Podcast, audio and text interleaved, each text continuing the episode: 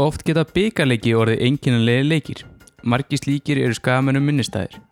En þó hefur sennilega engin byggarleikur orðið jafn enginanlegur og leikur skagamanna í 32 lega úslitum byggarkeppninar árið 1997. En þá mættu skagamenn sjálfum sér. Það er Ílur Pípulagnir sem býður þér upp á þáttinn en þar ræður ríkjum sjálfur Kitty Pípari og því er ekki á vegi að hvetja alla knaspunnu unnendur að fylgja honum á Twitter þar sem fer fram greina góð og heiðaleg knaspunnu umfjöllun. Ég heiti Björn Þór, um tæknimál sér Snorri Kristlesson, verður velkomin um borð í skarhalaustina ágæti hlustandi.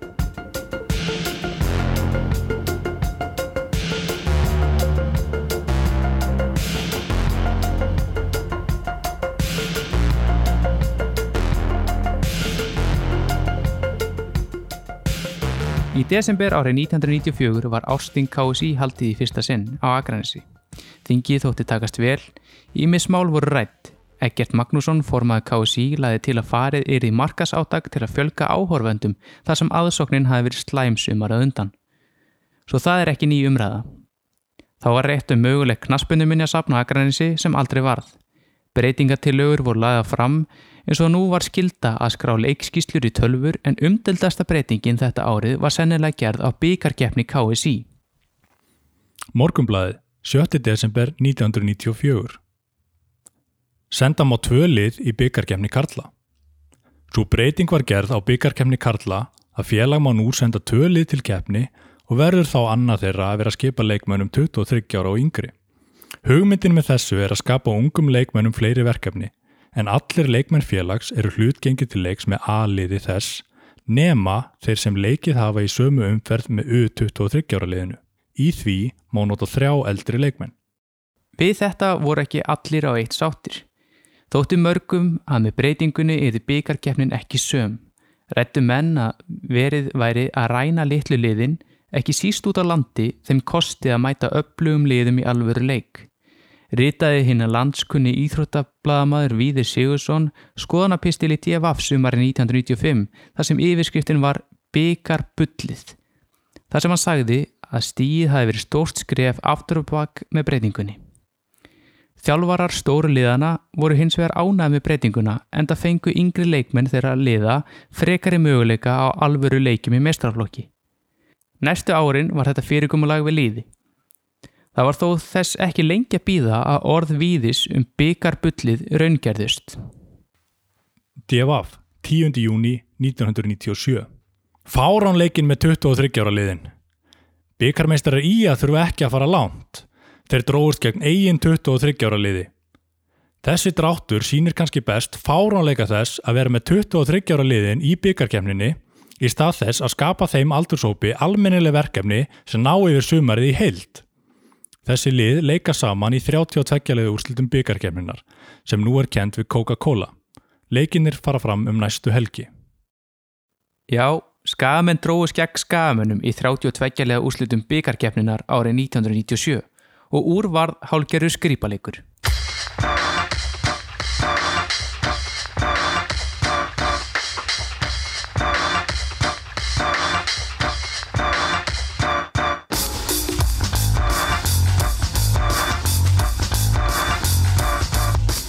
Inga til mín eru komni tvei leikmenn sem voru í mestrarflokki IA 1997 en spiluðu sikkur liðinu í leik IA gegn IA 23. Pálmi Haraldsson og Steinar Adolfsson verið velkomnir. Takk fyrir. Takk hjá fyrir. Svo ég byrji nú á þér aðeins Pálmi. Þú ert leikjahæsti leikmaður Skagans frá upphafi uh, og þú og Gauji eru með jafnmarga leiki eftirdild, er það ekki rétt? Jú. Og uh, stóð það aldrei til að bæta þetta með? Það væri náttúrulega til að taka kannski eitt leiki viðbót. Já. Já. Já. Það er spurning hvort maður fá eitthvað síðan svona síðasta leiki. Já, það var verðingavert en, en það var samt þannig að þú varst hérna, það var verið endurkomuðin ekki 2008 sem jöfnar þetta þegar uh, þú tekur fram skónaði ekki 2008 Jú, ég hætti hérna 2006, Já, tek eitt ár í kvíld mhm, og er svo kallaður hann tilbaka mitt ár 2008. já, til að senda að bjarga málunum Já, Já, eh, Steinar þú kemur ekki í skagan fyrir 1996 er það ekki rétt hjá mér? Jú, það er rétt. Ég kom eh, hingað í rauninni með Guðjóni þegar hann kom aftur 96. Já. Ég hafði spilað uh, fyrir hann í, í Káir fór þá úr val eftir að hafa verið þar í átt ár mm þannig að það var svolítið svona erfitt skref að taka að fara úr val yfir í Káir en það var svona auðvildar að fara upp á Skaga. Ok, og Gauji hafði haft samband við mig 19, 1992 ef ég man rétt og vildi þá fá mig mm. til í að en þá var ég ekki tilbúin að fara frá val og svo þegar hann hafði samband aftur og þá var ég svo sem ekki mikið í vafa þó að það væri erfitt skref að stíga.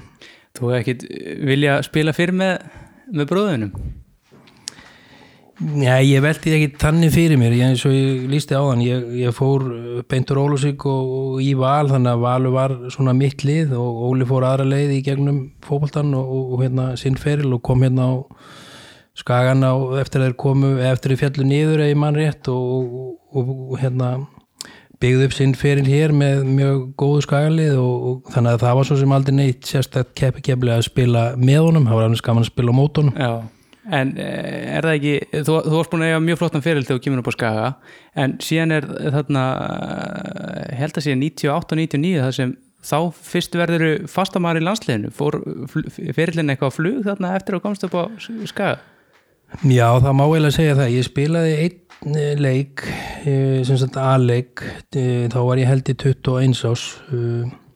Síðan var bara eyðumörk í ansi mörg ár og, og auðvitað var á þessum tíma að þá, þá voru það fyrst og næst leikmenn sem voru að spila ellendis sem, að, eh, sem að voru í landsliðinu. Og á þeim tíma sem ég síðan fór út uh, þá var ég í rauninni allan um tíma eini íslenski, neða semst heimamaðurinn ef maður getur orðað sem svo Já, sem var í landsliðinu og svo gafst mér kostur á að fara til Noregs í ágætis svona uh, lið til til að lítið á norska mælikvarða og, og þannig að ég fekk það svo sem það er tækifæri en það var í rauninni sem ég kannski kom að betur á eftir að að svo skrítin sem það var nú en það var í raun toppþjálfarinn Gólag sem að í raun hérna, umskólaði mig til og, færði mig niður í vörnina. Já, en já, þú ferð þarna í aðdunum sko þá, hvað ertu ekki orðin 29 ára eða eitthvað svoleiðis?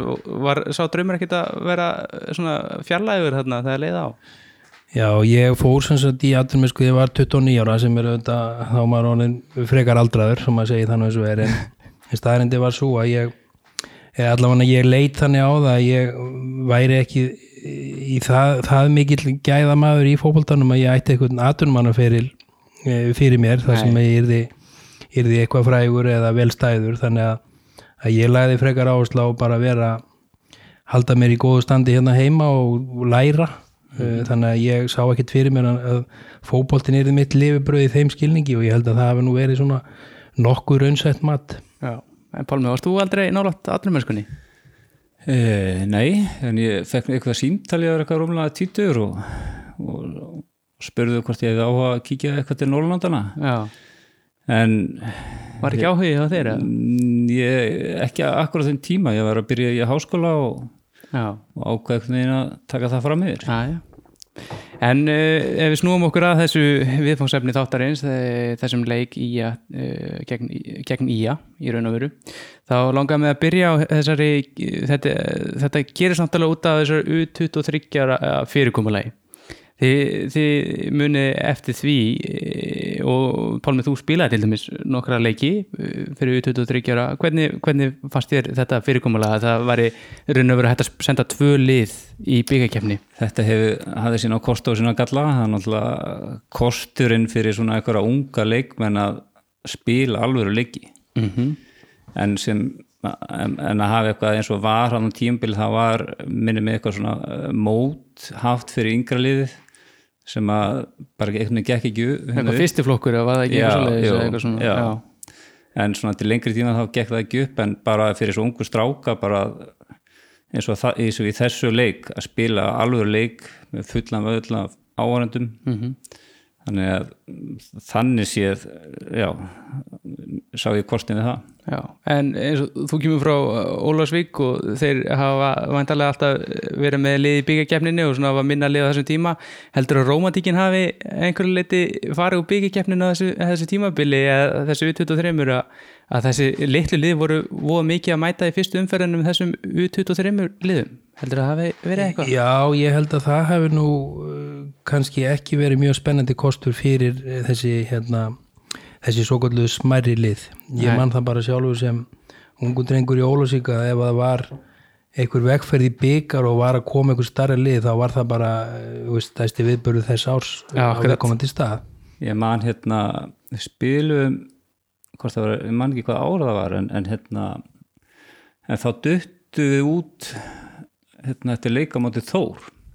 Já, þá datt alið út já, og mér minnir að það mátt nota þrjá eldri leikmenn. Það mátti nota, já, já.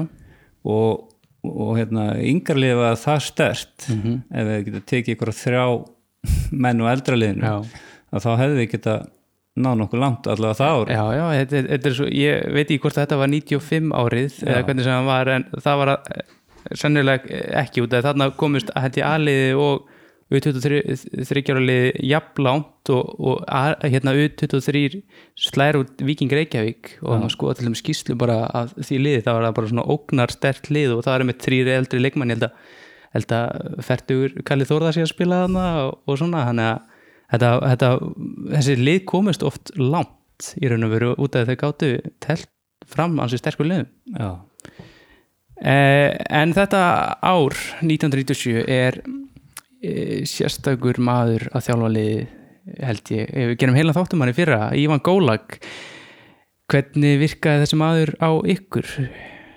Ef að ég bara kannski vísa þessu á þig bara Steinar út af því þú sagðir á hann að hann hafi nú reynst þér ágætlega. Já, Gólag var sérstakur maður, ég held að getum nú verið sammála um það. Þegar hann kemur hérna fyrst á vissi mann ekki alveg út í hvað maður var að fara og hérna, náttúrulega ég var þá búin að vera með Gauja í tvö ár og þetta var mjög mikil breyting frá því sem var þá. Uh, hann var nú svona svolítið kok kokrustur og yfirlýsingaglæður og, og ég man að það var yfirlýst hérna, fyrir kefnina við ætlum að vinna alla átjónleikina og svo þegar við fórum í fyrsta leik og töpum að þá svaraði því bara um hæla við, við ætlum að vinna næstu 17 Já, já. En, en óháð því að þá eins og er eh, kannski getur verið í, í fótboltanum og víða í lífinu að, að fyrir mig að þá, mig sem leikmann að þá, þá henda hann mér ágætlega. Hann var, mm -hmm. hann var talaði mikið við mann hann var að leiðbina manni með, með staðsetningar og svona eins og þjálfar að gera þetta uh, hann færði mig niður, niður af miðjunni og niður í vörnina. Og ég náttúrulega hafiði verið miðjumæður svo sem alla mína tíð og ég hafi spilað sendir í yngjurlokkunum heima þegar ég spilaði upp fyrir mig. Mhm. og uh, þó ég væri ekki gamall í sjálfu sér að þá, þá var ég komið með mjög mikla reynslu í efstu deild. Og svo reynsla nýttist manni mjög vel í vörninni. Þannig að maður var góður að staðsetja sig, ég var sterkur í loftinu góður á boltan þannig að hérna, ég gæti spila vel frá vörninni og, og þetta svona opnaði bara eh, eiginlega nýjar dyr fyrir mig og, og breytti mér svolítið sem leikmanni og, og eins og þróun var svo í framhaldinu að þá að þá hérna eh, endaði þetta þannig að ég var eh, náttúrulega komin bæði í landslið og síðan var ég átti ég kosta því framhaldinu að komast til, til útlanda og spila þar. Þannig að, að allir hafa eitthvað gott fram að færa og, fyrir, fyrir, og þar, þar á meðal gólag og fyrir mig sem leikmann þá, þá hendaði hann bara mjög vel. Já, hann var náttúrulega alltaf að leita einhverju leikmannin til að spila hann aftast til að stýra liðinu. Já. og reynda að finna hann einhverju ellenda leikmann en, en, en svo endað þú að það Já, og það er nú svona sér kapitul út af fyrir sig líka að hérna, leikmenni sem við vorum að fá á þessum tíma þeir, þeir voru nú bara mjög misjafnir að gæðum. Já, og svo er nú líka bara uh, minnista æfingaferð sem við fórum uh, í þetta vor. Þá fórum við í raun bara heim til Gólag og hérna áttum að æfa þar á einhvernum stórkoslu æfingasveiði og það var uh, ég veit ekki alveg hvaða gæðu það var en, en þetta var í rauninni bara þannig að við vorum einhverju heilsuhæli eða eitthvað þar sem að var frekar lélitt græs og hérna og síðan var Gólag bara að heimsækja fjölskylduna sína já, já og svo, svo hérna, þegar við fórum til Skotlands. Að hérna þegar fjölmjöluna tóka þarna mótunum á, á, á flugvellinum afendunum einhvern frospina og það átti að vera einhver auglýsing fyrir hann hana, hann var að taka hérna við einhverju lið á Íslandi. Já, hann, hann var vinsali í Skotlandi, það var bara þannig. Hvernig virkaði hann á þig? Sko, þessi maður hafði náttúrulega gríðlega reynslu.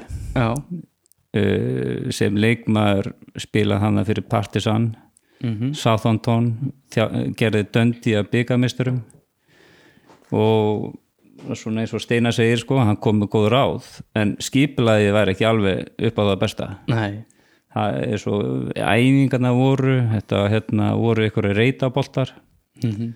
uh, eins og bara þeir eru tveir inni, kannski fimm úti og, og, og, en, en hann fór aldrei inn í alltaf svo sem gaf að hann þurfti að fara inn í. Þannig að engi vildi vera með honum í reyt og hérna já og, og svo já hann hefur viljað að teka virkan þátt. já, og svo alltaf þessu sömu æfingar þrýr sóknamenn á móti tveimur varnamennum þetta var svona skipulaði var ekki alveg upp, upp á það besta. Hann kemur seint í mass Já. lið ekki í formi. Og já, eins og kannski kom fram hana í síðasta þá, þættum hana Já, góðleg. góðlaka, þá var hann bara einbænt að sér að Já, og, okkur álíka Og það, ég held, ég held að allir högna hafa sagt að kannski með dettur í hug með hvernig þið lýsir þessu að hann var meira, meira sem manager heldur en kannski þjálfari. Þannig kannski var meira í, í þeim hérna pælingum. Já, og, og, og menn þurfti alltaf að hérna, kalla hann hérna, hvað, Mr. Gólag eða Gaffa eða, eða Boss. Já, þetta var svolítið nýtt fyrir okkur og hérna uh, sko skæin árin og undan þá hafði skæin alltaf verið í toppformi. Mm og það var bara ekki til staðar á þessum tíma. Eins og Pálmi lísti þá koma frekar seint og svo var hann einhvern veginn svona meira þú veist og listrætt stjórnandi eitthvað svoleiðis, hann var ekkit í hérna, í þeirri vinnu sem maður þurft að inn að hendi Nei. og við vorum bara ekkit í standi Nei. og það var auðvitað bara e, það var stór þáttur held í því og þeir ástæða fyrir því að við vorum ekki ná árangri nei, En svo koma líka með ný, nýjungar eins og að borða mikið súkula í hálfleik. Það var allt, hérna, alltaf að borða snikkis og mars og eitthvað sem maður aldrei séð þetta á þau sko. enda áttan súklaversmiðu já, Þannig að hérna, þetta var svolítið skröðlegt sko. já, en, en þið hefði vantilega hérna, þetta umhverfið sem þið voru, hérna, þið voru báðir innan gæsalappa nýji leikmenn, Pálmi, þú varst náttúrulega bara, var nú bara eitt ár sem þú varst í blíkum að ára undan, en þið hefði vantilega gengið inn og alltaf, að það menn alltaf að halda áfram, bara Íslandsmeistar og byggameistar og það er vantilega hugsunin á þessum tíma að, að bara halda áfram þeirri gullöld sem var í gangi. Já, já, það var alveg mannskapurinn til að vinna titilin Já, já, algjörlega. Og, fullt af ungum og eflunum leikmannum og eldri reyndari þannig að liða hefði alveg getað unnið Já, en síðan koma þarna inn einhver, síðan eru samt fengnir inn, sko, hvað þetta eru þrýr útlendingar sem eru fengnir inn, bara mjög, bara rétt fyrir mót. Já. Eh, hvernig virkuðu þessir leikmenn á okkur? Sko, eitt er að hann átti að vera 28 ára þegar, þegar hann var fenginn. Svo þegar hann kom þá var hann 32 ára. Og, og, og menn var hún að gíska líka hann væri nú orðin eitthvað eldri. Já, já. Er það framherrin, hann að Ristits, Já, já. Var, var ekki svolítið, hann var, var hann framherri að upplægi? Ég bara veit það ekki. Hann, hann var í ykkur neðri deild á Ítalíu. Já, já. Og er fenginn hann þannig að ég svona átti mikið alveg á því Nei, en hann var allavega ekki að gera neitt svo sem fyrir okkur nei. En í byrjun júni þá er dreigið 32 lega úrslit byggarsins og við ætlum að herra smá brot.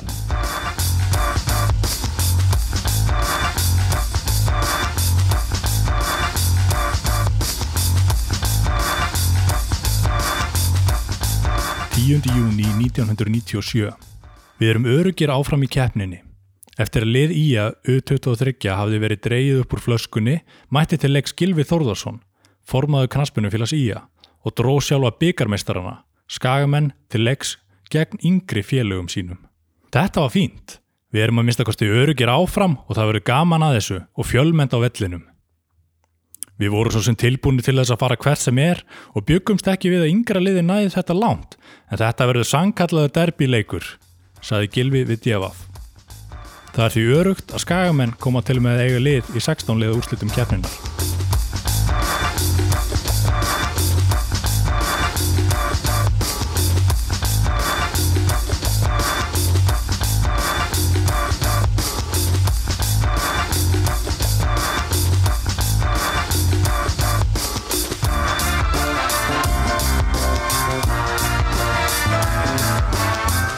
Gilvi Þórðarsson verðist bara vera nokkuð sáttum með að skæðin dróst á móti sjálfum sér hvernig, hvernig list ykkur á þetta munið hvernig ykkur list á að, að vera að fara að mæta sjálfum ykkur Nei, nei, þetta var bara eins og hver annar leikur ég, Já. ma- hérna já, fannst þetta bara hálf fyndið Já, en e, þetta er alvöru leikur í 32 legurslutum Já, þetta er já. ekki leikur í dildabyggar eða Nei, neitt, en nei. ég er að mæta sjálfum sér er þetta ekki ykkur ákveðin fáránleiki?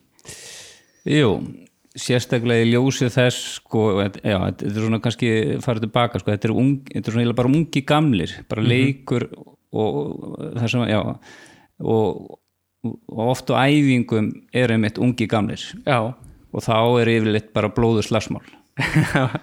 Og hérna og ef ykkur er, hafa haldið að þetta er bara svona bara léttur leiku fyrir eldri Mhm. þá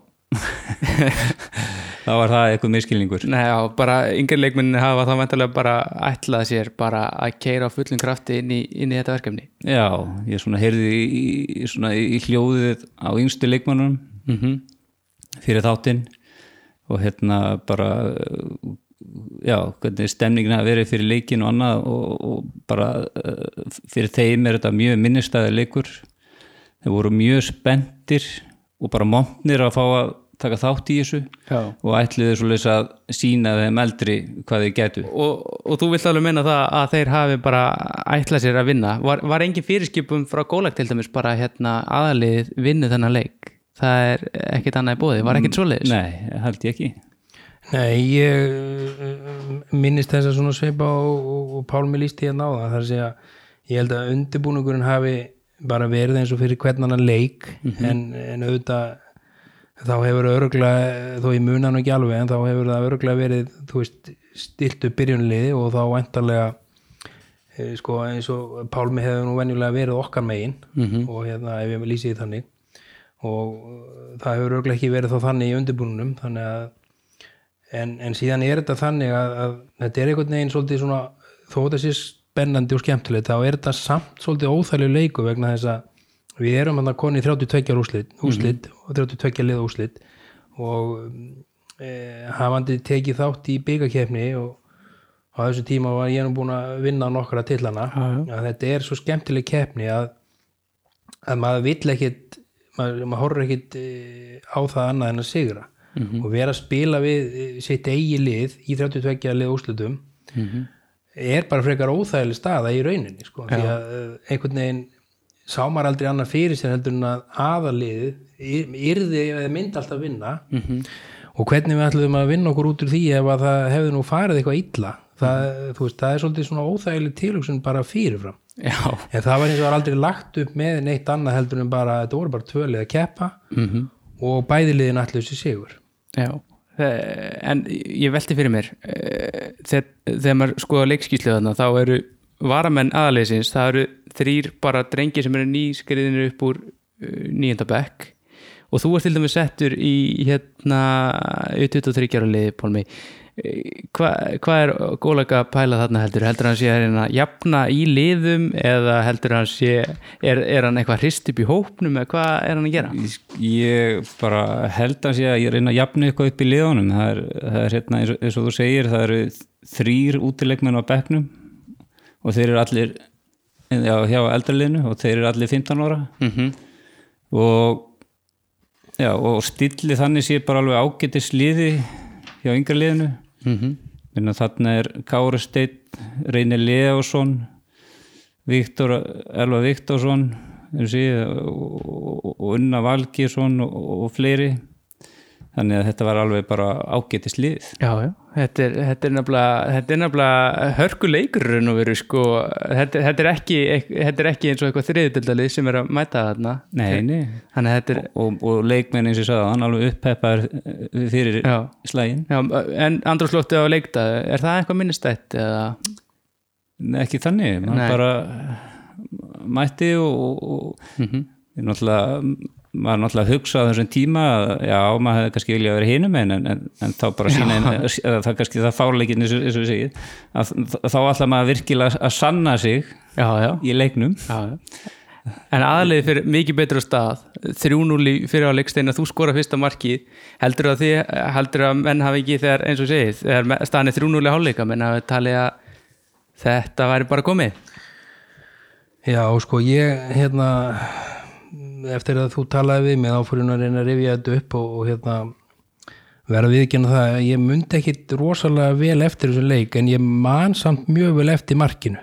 Og hluta þeirri skýringu er að það voru náttúrulega tveir mjög góði leikmenn e, miðverðir hérna á þessum tíma sem að, sem að voru þeir reynir og, og hérna Viktor. Og þetta voru náttúrulega drengi sem að við voru, maður var að takast á á æfingum. Já, já, og í þessu tilviki þá held ég verðið að segja það þannig að Viktor hafi verið að passa mig og ég hoppaði vel eh, mannhæð fyrir ofan hann og þrumaði boltan í, í, hérna, í hodnið með skalla og var einstaklega ánaði með það. En, en síðan eins og lýsir að þá e, skorum við síðan tvö önnur mörk og, og hérna og staðan í hálfleik var í rauninni þannig að það, ætti að vera búið að slaufa leiknum. Mm en svo þegar við komum inn í setnáleikin og, og hérna og, og þeir byrja að skora og skora strax á fyrstu mínúti í setnáleik e, að þá svona fer aðeins um hann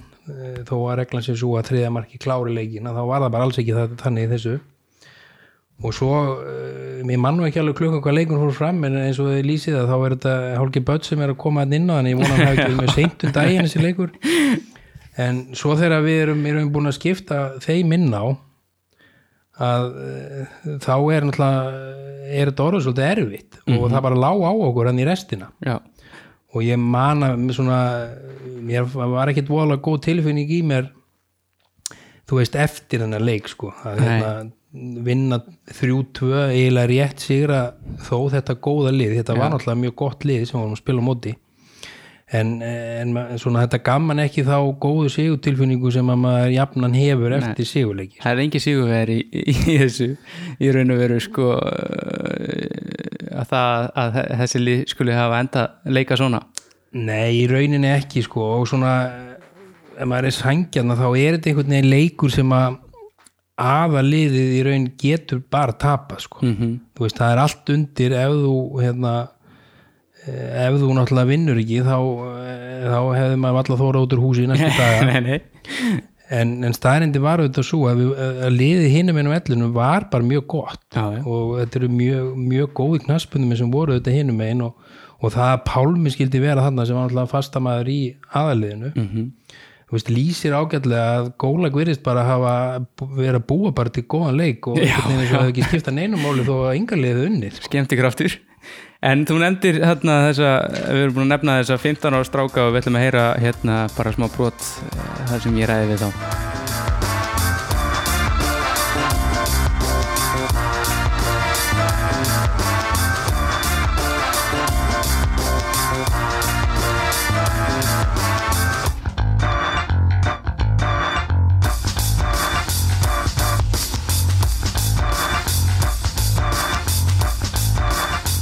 Hinga til mín eru komnir þrýr fyrrum leikmenn Ía sem voru kornungi drengir þegar þeir fengu sína elskýrni meistarflokki í þessum merkilega leik sem hér er til umfjöldunar. Hjálmur Dór, Jóhannes Gíslason og Ellert Jón, fyrir velkomnir. Takk fyrir. Já, takk fyrir það. Þið eru eiginlega allir jafnaldra bara upp á, upp á dag. Eh, Er það ekki réttið mér? Jú, það passar. Við erum fættir á hvað, þryggja, með þryggja daga millibili? Já. 14, 15 og 17. Ég er náttúrulega, elstur 14. februar Það er þess greinilega merki. og svo, og svo kemur næstur Ellert 15. februar og þú hvenar? 17.. 17.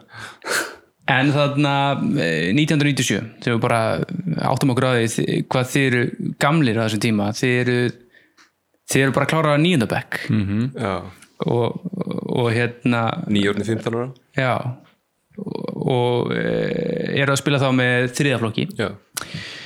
og voru, voru hvernig þið voru all- allir efnilegir en uh, voru þið þá að spila með öðru flokki líka eða, eða voru jafnvel aðeins með mestrarflokki eða hvernig var staðan er því? Jói, þú varst svona Já, bakastjálf. ég var svona aðeins varin að eitthvað allan að spila með, við spilum nú held ég allir með 23 ára liðinu mani þetta rétt, eitthvað Mhm.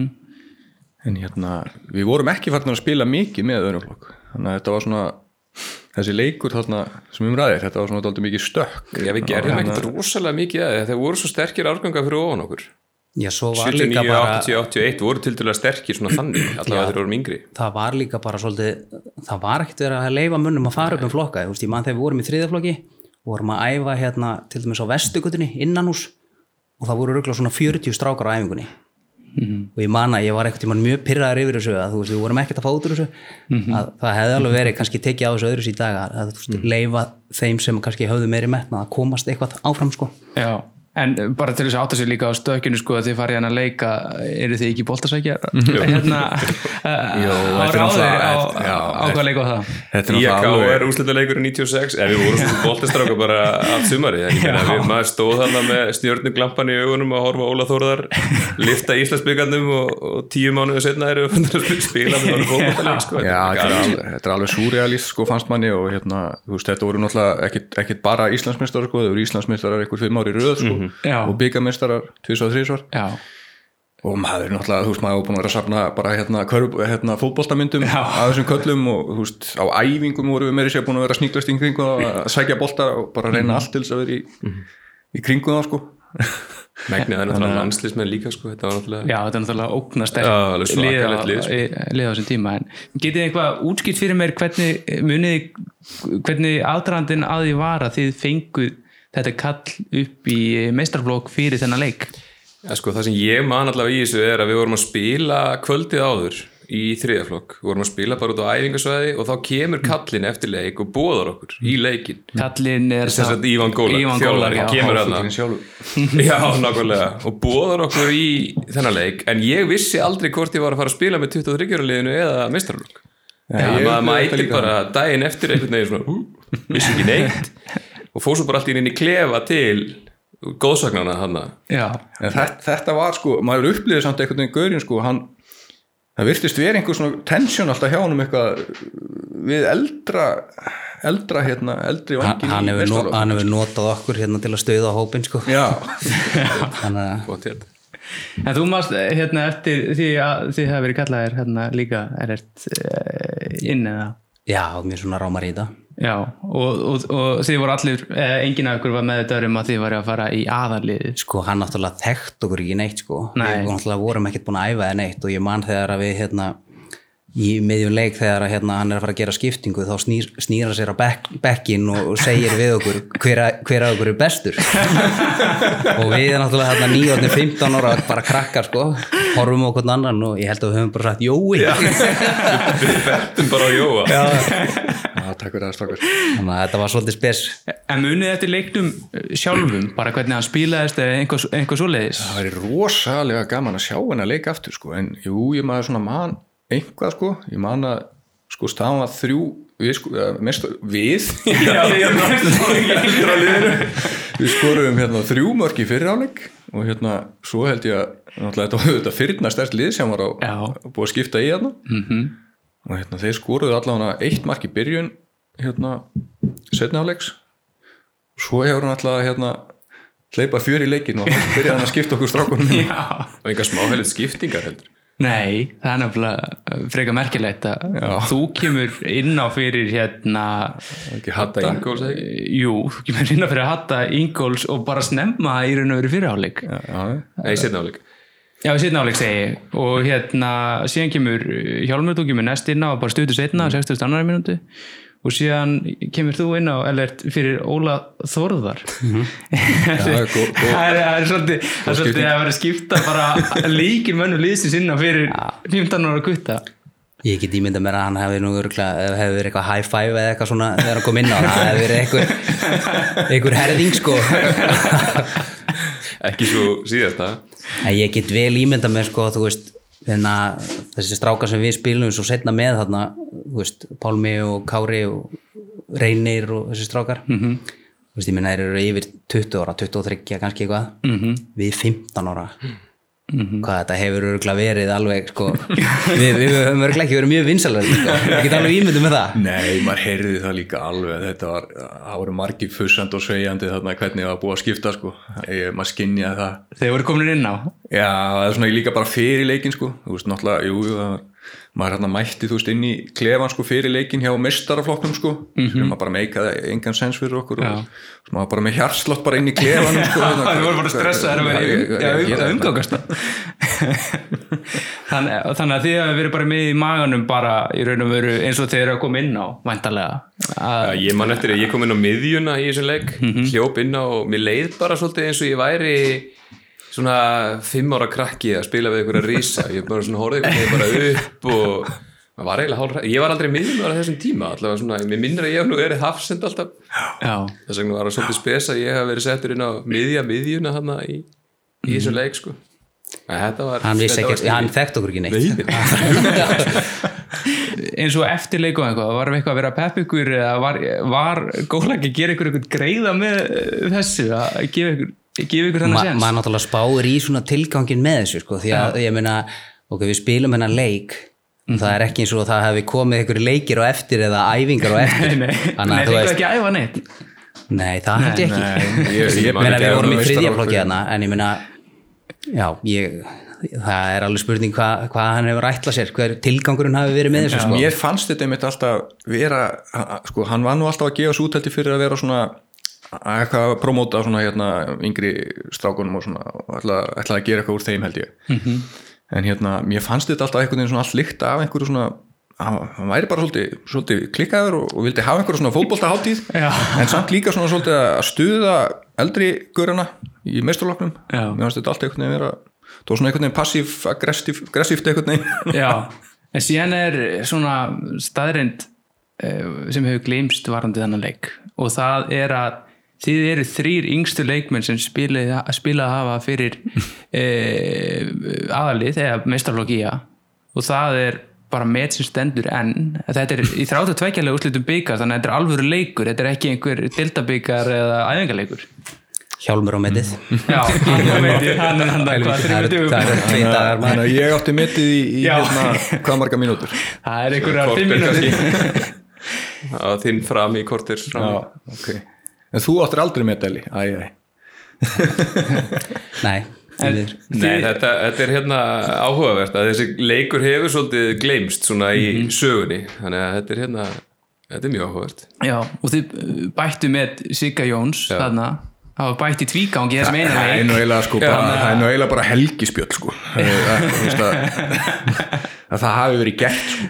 Já, já En þetta er með sem stendur enn Já, mun nú sennilega standa held ég, ég er nú ekki vissum að Nei, það þýtti að vera 14 ára barn sem þetta komið inn á til þess að bæta þetta. Sá þýrt að vera bráþór skammaður sem við vorum ekki náttúrulega. Jói kannski. Komið með ykkur bringvar En er þetta svona lókum, er þetta góð minning? Eða er, er hérna hafið þið rífið þetta oft upp eða? Nei, nei, eiginlega ekki. Það. Man ekki droslega mikið eftir þessu einhvern veginn.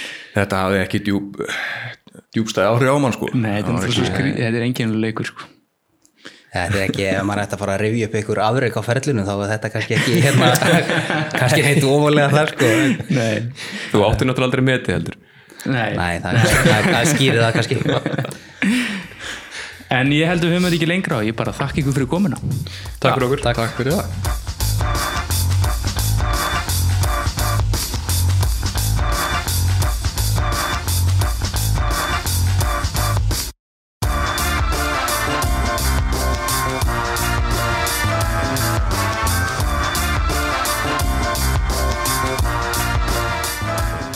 og e, mér er svona í hug ætli það hef ekkert farið í taugarnar á mönnum að það hef verið, verið að skipta 15 ára strákum inn á í þennan leikja aðaliðinu að við erum að tala um að það eru þrýr leikmenn sem eru 15 ára í aðaliðinu e, og væntalega leikuliðsins og í samræmi við það hlýtur að vera og, og, og þá fer Pálmið þú minkar sér að muninu 80 annar mínúti heldur að hafi heldur að hafi verið létt stemming í aðaliðinu við þetta? Sko, og það er Óli Þórðar og Hatti Ingól sem fara út af sko. Já, það er svona eh, skipt út þarna líki leikmannum það koma þarna þrýr ungi leikmann inn á og eins og við erum að ræðum hérna já, unga liðið það var svona eitthvað stress til að byrja með í fyriráleik en liðið vex ásmiðin í, í þeim síðari.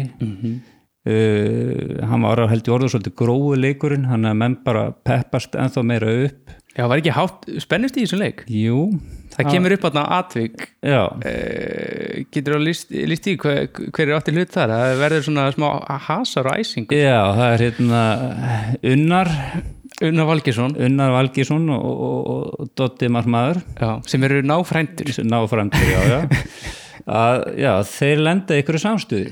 Já, og, og hérna og hérna Unnar liggur í grasinu og allar að standa upp. Já en Dotti bara ítur hún niður aftur.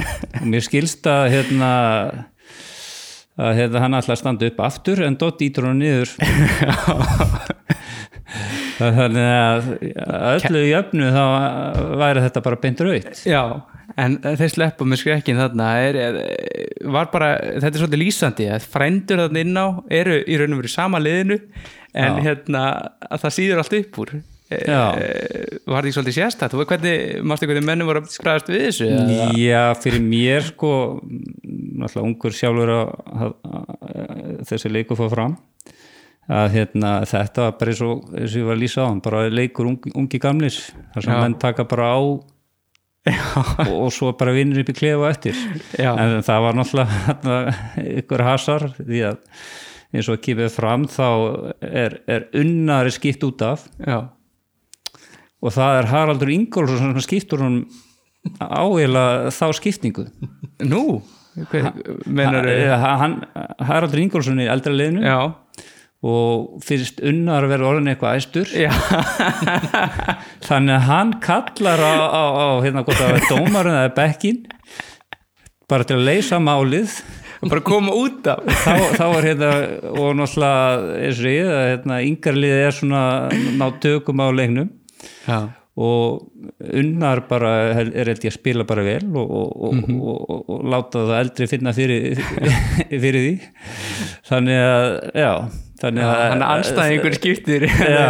hérna, leikmann út sem er svona alltaf að fyndi því að hann er eiginlega, skildi dómarunum Já, já, má, máu dómar hans Hann er, er, er, er lýsir þetta ekki svolítið að það hafa voru ansi margir árekstrar í þessum leik og kannski eins og, eins og maður þarf alltaf að minna sig á þetta er 32 úrslit í byggakeppni á Íslandi. Er, ekki, er ekki alltaf mikið í hérna, er þetta ekki of einkennilegar aðstæðu til þess að þær fungir alveg eins og það eiga að gera? Jú, ég skil nú eiginlega ekki alveg hvernig ég óskupunum mönnum datt í huga að láta Sæmund Víglundsson dæma þennan leik þar sem að hérna þú veist, hann er akkurat. Og hérna þó ég veit, hann hefur kannski verið að dæma fyrir einhvern annan en ía sko en hérna, ég þóri ekki alveg að fara með Nei, hann var að dæma fyrir ég hann var að dæma fyrir ía og hérna og það, það, þess utan þá er Hatti Máar hans og, og þetta er nú allt frændur í bak og fyrir sko. Og hérna en, en svona eins og kom upp í leiknum á milli Unnas og, og, og hérna Dotta, veist, þetta var kannski svona atvik voru kannski daglega viðburður á æfingum þar sem að menn er að takast mikið á en, en það lýsir svolítið fáráleikanum að ég hugsa að Dotta hefur nú aldrei leift sér þetta í, í svona hefðbundnu leik þegar og tala ekki um er að staðan er viðkvæm. Nei, en ég segi nú bara sem betur fyrir þá dæmdi sæmi leikin ef það hefði verið einhver annar þá hefði nokkuð spjöld fara á lofti þessi leik. Já, það er kannski, er kannski alveg rétt hjá Pálma sko. en, en svo líka bara eins og voru að nefna áðan þú veist, við förum út í hennar leik og erum með sko þrjá kjúklinga, mjög efnilega kjúklinga að Mhm. teka fram á, á bekknum. Já, já, en þeir, þeir eru efnilegir en þeir eru nýjafærni 15 ára, það er náttúrulega það er, það er stigsmunur það Já, já, það er það. Og sko venjulega þegar að, þegar að menn voru á bekknum og var verið að svona leifumönnum að koma inn og þá var það yfirleitt gert við, við ákveðna aðstæður og, og hérna það er ekkit holdt fyrir eh, hvorki þáni liðið að taka alla þrjá inn á sama tíma eða þú veist í sama leiknum. Nei, nei, og hérna eh, allavega ekki við nema að maður sé einhvern veginn að dómin er að leikin þannig að ég er ekkit endilega viss um að það hefði gert þeim mikið greiða í sjálfu sér. Eh, jafn spennandi og, skemmtileg viðbörð þegar mm. og kom inn á sem ungu leikmaður. En í þessar aðstæðar þá þetta er svona eh, enn einn hérna eh, kapallin á, ón á þennan fáránleika í rauninni sem að þessi vettvangu var í sjálfu sér. En voru eitthvað rifrildina fyrir utan þetta, voru, voru menn svolítið æstir, menn hefur kannski ekki menn hefur kannski búin, svolítið búin að gleyma að, að, að þetta sé einhver alveg leikur og kannski upplifa svolítið eins og þetta sé ungi gamleiri mitt eins og þú er búin að segja á æfingu, að menn gleyma sig kannski bara í því. Já, já, og svo bara held ég þessi bara búið. Já. þannig að, já. Þannig að eins og já, eins og talum bara fáraleikan ég meina ég er að fara að taka víti á 8. og hvað annari mínútu hérna samkvæmt leikskíslunni Mhm. og ég stilli boltanum upp bara, ég finn ekki fyrir stressi eða neitt, mér, mér finnst bara þessi eitthvað svo fáralegt, mér finnst bara að vera hálfgerðu þrýstingur í, í kringum með að sparka boltanum bara upp í stúku horfa að dotta í markinu Það var náttúrulega að horfa sko á markmannin þú ert að taka víti á markmannin þinn í raun og já, sko. já, og hérna og það er eitthvað svona skýta glott í honum þannig að en, en minna, þetta, já, já, þetta var bara leikur að En þetta hefur verið stáli stálandi í restin eftir og búin að minka mjög já, já, við fengum eitthvað dauða færi þannig í lokin og, og ef þetta er að fara í framlýningu og eins og leikurinn var að þróast þá er líklega að yngarliðið hefur tekið þetta já. En eftir leik, voru allir bara sáttir? Nema hann einhverjir já, ég hef mér skilst að það eru Já. einhverjir skallagrinsmenn hann Í stúku, þeir voru ósátti með Já. að Dotti hafi ekki fengið rauð spjald út af þá hefði hann verið í, leikbanni, og í leiknum og, á móti og þeim einhverju fleiri, Valdi Chris og einhverju fleiri Já, já og, og líka það verður nú það er nú einhvað talað um að það verður svona smá svona hiti sko varðandi til dæmis útlendingana það er einhvað talað um eins og þeir hafi tekið of hérna fast á unguleikunum eða eitthvað, eitthvað verið að vísi í það og Já, já, það er allavega ykkur hefur farið þarna í, í, í, í mokkan eða eitthvað Já, og- og- allan að tjá sig um og- það. tjá sig um það í hita leiksis já, já, en svo sem daginn eftir þá var það bara búið í minni minningu.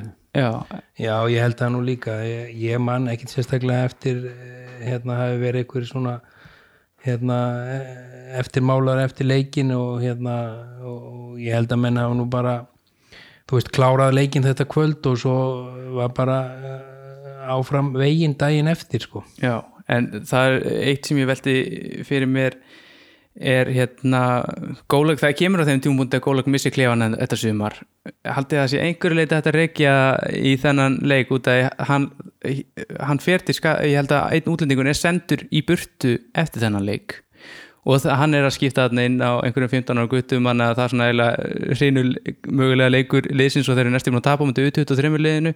Haldið þetta hafi þetta sé einhver svona punktur á sumrinu sem gæti mögulega hafa haft slem áhrif? Ég held að þessi uppstilling og, og hérna, allt í kringum þetta hafi nú ekkit eh, hafi nú ekkit hérna, aukið á vexaldans innan félagsins. Ég held að, að þetta svona hafi nú freka hjálpa til í að menn hafi átt að sjá að hann væri ekki rétti maðurinn í verkefni sko. Nei, akkurat og eh, sammála því Pálmi? Já, þetta er svona bara eins og sem við erum að rifja upp þá eins og þetta, hann kannski komið góð ráð og annað en, en skiplæðið og annað var bara ekki nógu gott Já, eh, en sem bara loka spurning er hérna, var þetta skrýpalegur? Nei, ég vil nú ekki kalla þetta skrýparleik, þetta var hérna sérstakar aðstæður, þetta var í rauninni sangvænt bara reglverkinu gat gerst og það hittist þannig á að hérna að Ía átti kost að spila við Ía sjálfsagt ekki mörg dæmi í sögunni og, og hérna þannig að þetta er bara einn af þessu eina af þessum skemmtilegu tilvölinu sem koma upp og gaman að hafa verið þáttakandi í því og eins og við erum að rifja upp hér að þetta svona fer í reynslu bankan sem skemmtilegur atbyrður en ég vil ekki nota nafni skrýparleikur um það. Nei, Nei, nei, þetta var bara alvöru leikur. Já, já. Bara tekundi það sem Steina segir. En, en þið hefði sennilega ekki viljað að þetta hefði gerst eitthvað mikið óttar Nei, ég hef ekki viljað spila svona hverju ári og, og hérna ef að ég hefði verið að leggja með pennan leik þá hefði ég nú ekki lagt hann upp svona því að hérna eh, me- með þessari samsetningu af, af hérna eða blöndunni eins og var, en, var stilt upp því að hérna e, það einhvern veginn er ekki mjög gáulegt þó að eldarliði kannski hefði átt að vinna þrátt fyrir að vera með svona e, þá blöndu sem að var hinum einn en e, ég hefði allavega einhvern veginn verið með jafnari stöðu á bekknum til þess að geta brugðist við aðstæðum sem kom upp í leikinu, maður veit aldrei hvernig leikinni þróast, Nei, nei, já, bæði meðslu og annað slíkt, þannig að, að það var allavega eh, svona eftir á að higgja að maður er að skoða þetta svona í ljósi sögunar að þá að þá eh, er uppstillingin eh, eða liðshildin eins og hún er valin svolítið sérstök. Ég bara þakka ykkur kærlega fyrir komuna og við ætlum að enda hana þátt á viðtali við heimadómana sjálfan Sæmund Vílisson. Takk fyrir okkur. Takk fyrir mig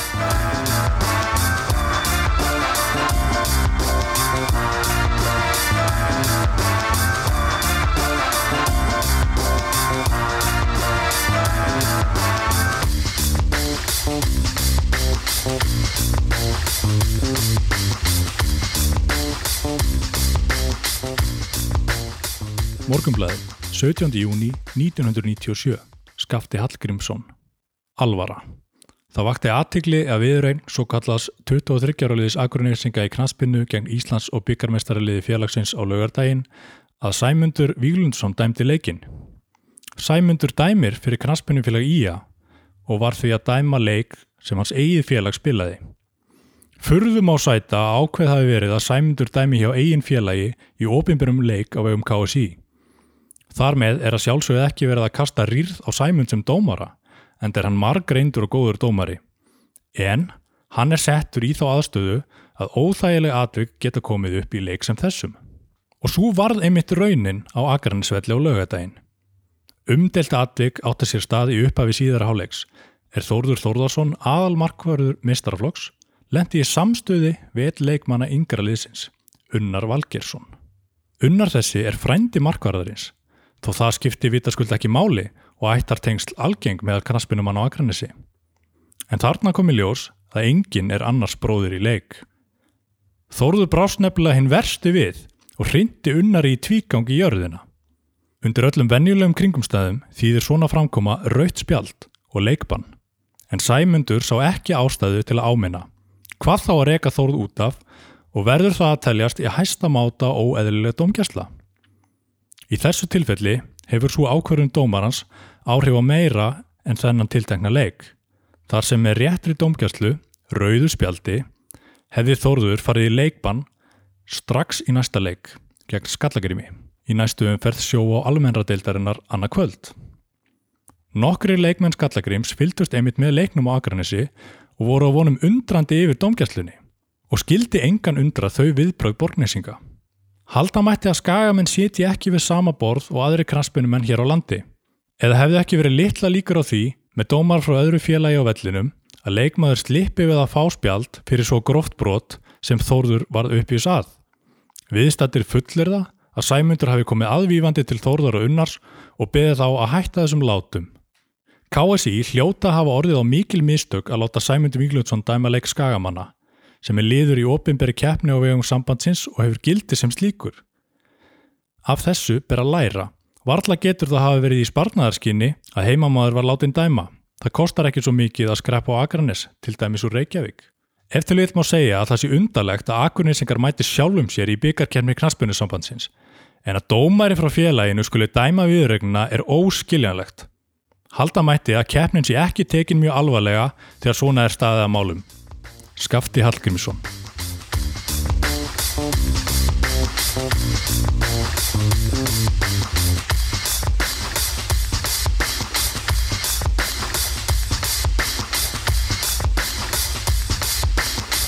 Sæmundur Vílusson, verður velkomin í Skagarhalistina.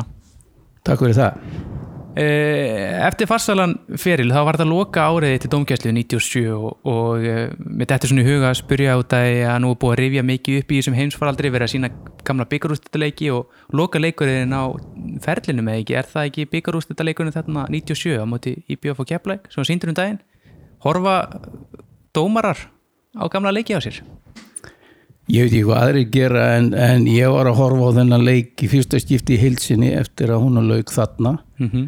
Ég náttúrulega komst ekki hjá því og, og að horfa á ákveðin atvik, atvik úr leiknum á sínum tíma. Þau voru bæði kritisk og oft sinn, þannig að ég sá þau. En leikin í heilt horfði ég á í fyrsta skipti núna um daginn og það var bara fyrir slísni. Já, og bara sáttum þín störf Já, ég var eh, heilt yfir bara þokkalega sáttur við framistuðuna í leiknum en ég ætla ekki að neyta því að, að það voru þarna atriði sem að ég hefði framkvæmt öðruvísi og, og breytt öðruvísi ef ég hefði getað spólað tilbaka. Já. því er ekki að neyta og ég held að ég geti sagt að um alla leiki sem ég dæmdi að það er alltaf atvik sem maður hefði vilja gera öruvísi en uh, við erum ætlum að ræða hérna annað uh, byggaræventýri eða svona á þessu tímabili. Og það er leikur í að gegn undir 23 ára í, að- í 30 32 úrslitum. Og manstu hver ástæðan var fyrir því að þú ert náttúrulega heimamaður og þú ert settur á hann leik af hverju, af hverju var heimadómari settur á alvöru leik uh, í að í 32 úrslitum Nei, ég, ég hafði nú ekkit með eh, niðuröðuna í sjálfu sér að gera. Ég man að, að uh, Halldór heitinn B. Jónsson sem að sá um þessi mál hjá knastbyrnusambandinu að fyrir honum vakti að ég til að spara einhverjar krónur og þá fyrir knastbyrnufélagið í að. Já, En uh, um, um aðra ástæðu veit ég ekki og, og hérna og og ég bara tók þennan leik og dæmdi hann eins og hvern annan mm -hmm. aðstofadómararnir í þessum leik þeir voru heimamenn líka þeir voru heimamenn líka já. Já, og uh, varst þú með einhverjar skoðanir á þessu þegar þú var settur á hana leik? Manstu hvort að þú hafðir einhverjar skoðanir á því að þetta væri kannski ekki heppilegt eða, eða slíkt? Nei nei ekki fyrir leikina. Þá tók ég þetta bara eins og, eins og hvern annan leik. Ég hafði marg oft dæmt náttúrulega á undirbúnistímabilunum öll þessi ár leiki hjá IA og, og, og kom fyrir að ég, ég var fenginn og fleiri dómar fengnir inn á æfingarleiki innan IA til að dæma en þarna var náttúrulega formlegu leikur milli IA og IA undir 23 og uh, ég fór nú að veltaði fyrir mér eftir ringdur í mjög daginn, akkur ekki ég? Mm -hmm. e, þetta var IA og IA og ég Já. í IA Já, og uh, ég gæti aldrei og get ekki enn fundið það út taum kostlið sem ég átt að draga. Nei, þannig að þú var, það er mögulega kannski bara heppilegast að þú hefði dæmt þetta út að þú barst töða til pekjaliða jafn, jafn mikið. Já, það er, það er alveg sjónamið sem á alveg rétt á sér að vera að skoða Já, en uh, þegar þú fleitar til leiks og bara þegar leikurinn í gangi er einhver einhver minni til þess uh, hva, hvernig andrúslufti var á vellinum og voru til dæmis fannst þér að, nei, undir 23 ára liði, vildu þeir vinna eins og, eins og aðaliðið eða hvernig stemmingin var svona inn, inn á vellinum?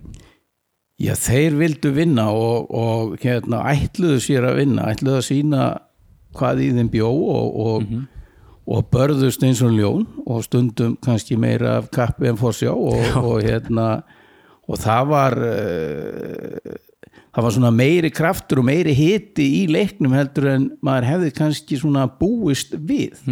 Af því að nú voru þetta þeir aðila sem voru að æfa saman en, en þarna var annað og, og eftir á higgja þá, þá skilum maður vel að, að hérna, ungu drengirnir hafi nú viljað taka aðeins á þeim á þeim eldri og reyndari og helst að vinna þá. Það var stefna þeirra. Já, að sína í hvað í hvað, í hvað, hvað bjóðið þeim segir já, að sjálfsögðu.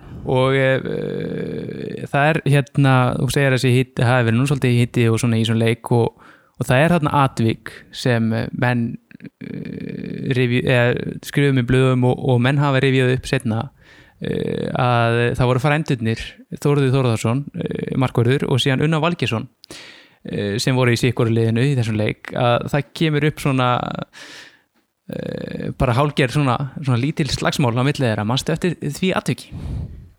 ég því miður sá ekki alveg uppafið Nei, ég sá ekki það sem að uh, Þórður vildi meina unnar hefði gert stíð á sig eða eitthvað svo leis en hins vegar sá ég vel þegar, þegar að Þórður rindunum og þannig að hann fjall við. Það, það er alveg rétt, ég sá það og ég varð að, að hérna, melta þetta í hugunum á hlaupunum aðeins, hvað gera skildi og á einhverjum tímapunkt er það niður, niðurstaða mín eftir að hafa haft þarna þrjá möguleika, það er að reyka Þórð út af. Það er að reyka á báð út af. Eða ger ekki neitt sem ég gerði. Og ég valdi þann kostin eh, að gera ekki neitt á þeirri fórsendu að ég hafði ekki alveg uppafið, eitthvað gerðist og það var alveg ljóst að ég ætlaði ekki að fara að spyrja þá. Já. Þann, þannig að ég, ég varð að taka þessa ákvörðun og, og, og hérna, byggða á þessu. Ég hafði ekki, ekki mjög langan tíma en eins og ég sagði við ykkur áðan þá hefði ég kannski gert þetta öðruvísi ef ég hefði fengið að skoða þetta aftur. Já. og samkvæmt öllu eðlilegu að, að, að þá hefðu held ég flestir dómarar í þessari stöðu mm Mhm. reikið þú út af. Já, út af hann hrindir þarna frenda sínum. Það er mitt kærleikurinn á millir þess að liða á þessu tímapunkti, þetta er mitt svolítið fyndið. Þetta eru frændur og, það hefur örugglega verið einhver rætt á kaffistofu þótt og þótt hann daginn eftir. En eh, það eh, hérna, springur aðeins og, og það kemur gaggrinni á þetta í fjölmjölum síðan eftirleik að, að skallegrim sem hann held ég hafi verið stattir á þessum leik og svo að, að þarna hafi verið klárt raut spjaldaræða og e, heldur að það hafi spilað inn í að, að, að þú hafi þekkt til þessar manna Nei, nei, þetta var fyrir mér þegar komir í leikina þá, þá eru þetta hvorki kunningjar, frændur eða máar Nei. sem að hérna þarna eiga í hlut og, og að því að ég svona bjóst við þessari spurningu að þá ætla ég nú að vitna í ummæli Guðjón Þórðarssonar eh, einhverju sinni þegar ég var að dæma hér í innanúsmóti og þá lék bróður minn mig í og hann sagði við, við mig og fleiri sko eh, þú myndir ekki eins og dæma víti sæmundur þó að aðastitt bróðin er þið drepin í tegnum þannig að, að, að hérna uh, þú veist, þetta skiptir ekki máli og ef Nei. eitthvað er þá held ég að tengslin njóti þess ekki Nei, ég þekkti vel til og þekki vel til þegar þóttot manna unnar þekkti ég vel, við vorum oft búin að eiga svona smá senur á, á fótbolltafellinum unnar á ofbúslega kraftmikill og mikill orkubolti og, og, og stundum fór hann fram úr sér og, og ég líka þannig að, að það var bara svona. Já, Nei, ég held að, að það sem að það sem að þeir voru og gaggrinin kom þann eftir á sem sagt um að ég hafa eitthvað verið að velta því fyrir mér ef ég ræki þór út að þá er henni bann í næsta leik. Nei, svo vitt hugafar hafði ég ekki á þessari Nei. stund í þessum leik. Það er ekki svo en vissulega er þetta alveg rétt. Já. En ég er ekkit við sem að borgnisingarnir hafi verið að spekulur í þessu, ég held að skafti hafi bara verið að spekulur í þessu en það er hérna mm, þú, þú vilt þá menna að persónlust tengsl eins og þú segir, máurinn er að spila og þú, þetta er lítið bæjarfélag og þú þekkir í raun og veru, ekki bara alla hann inn á að það hafi í raun og kannski ekki skipt máli út að þú einmitt þekktir alla. Nei, nei, ég, ég, ég er alveg sammála þessu, það, það er ekki og ég, eins og ég segi maður þekk, þekkti stráka úr öðrun liðum að þekkti borgninsingana og ímislegt svoleiðis og, og hérna ég man aldrei eftir að hafa fengið gaggrinni á það að, að hafa verið eitthvað vægara við það út að ég þekkti þá, Nei, alls ekki, nema síður síðan eins og ég sagði. já. En voru menn að láta þið heyra í þessu leikum, manns það kannski ekki ja. Jú, þeir, þeir, þeir höfðu skoðanir á þessu og, og hérna uh, vildu meina að þetta og hitt þetta vera öðruvísi eins og gerist og gengur í öllum leikjum.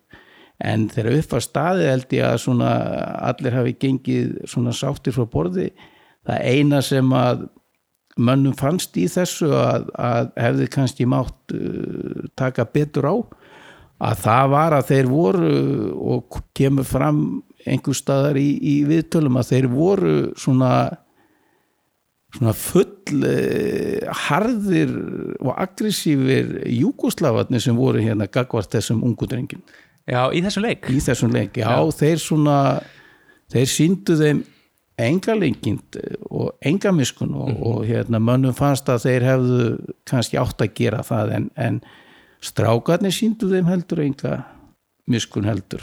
Nei, en uh, svona ef við draumum þetta saman hérna að, að lokum þetta er alveg leikur, 32 úrslit byggar sinns er, ertu sammála því að það hefði nú verið öllu heppilegra ef að menn hefði gáðið sí bara sett einhvern annan? Þá hefði þessi kannski þessar vangaveltur ekki átt sér stað um þetta? Það er alltaf heppilegra til að fyrirbyggja ímsa umræðu, sérstaklega eins og þú vitnar í þessari grein að, að það komi utan að komandi á þessa leiki sem og aðra, ég, ég er alveg sammála því. Og, og líkt og alltaf að ef að maður fær annað tækifæri þá kannski breytir maður öðru vísi sjálfsagt hefði ég vitur eftir á ef að þetta hefur komið batur satt, nei, finnið einhvern annan Já, þú hefði ekki tekið þetta aður aftur Nei, ég, ég hefði ekki gert það Nei Sæmundur, þakka þér kærlega fyrir komuna Takk sem leiðis. Hér með líkur umfyllun okkar um þennan einkennilega leik í 32. úrslutum byggakeppnunar árið 1997. Skrýpaleikur eða ekki, ég veit það ekki. Umsjónamaður þáttarins var Björn Þór, Snorri Grísljusson sang Teknimál og Kristján Gauti Karlsson var þauðlu þáttarins. Það var Eilur Pípulagnir sem böði upp á þáttinn.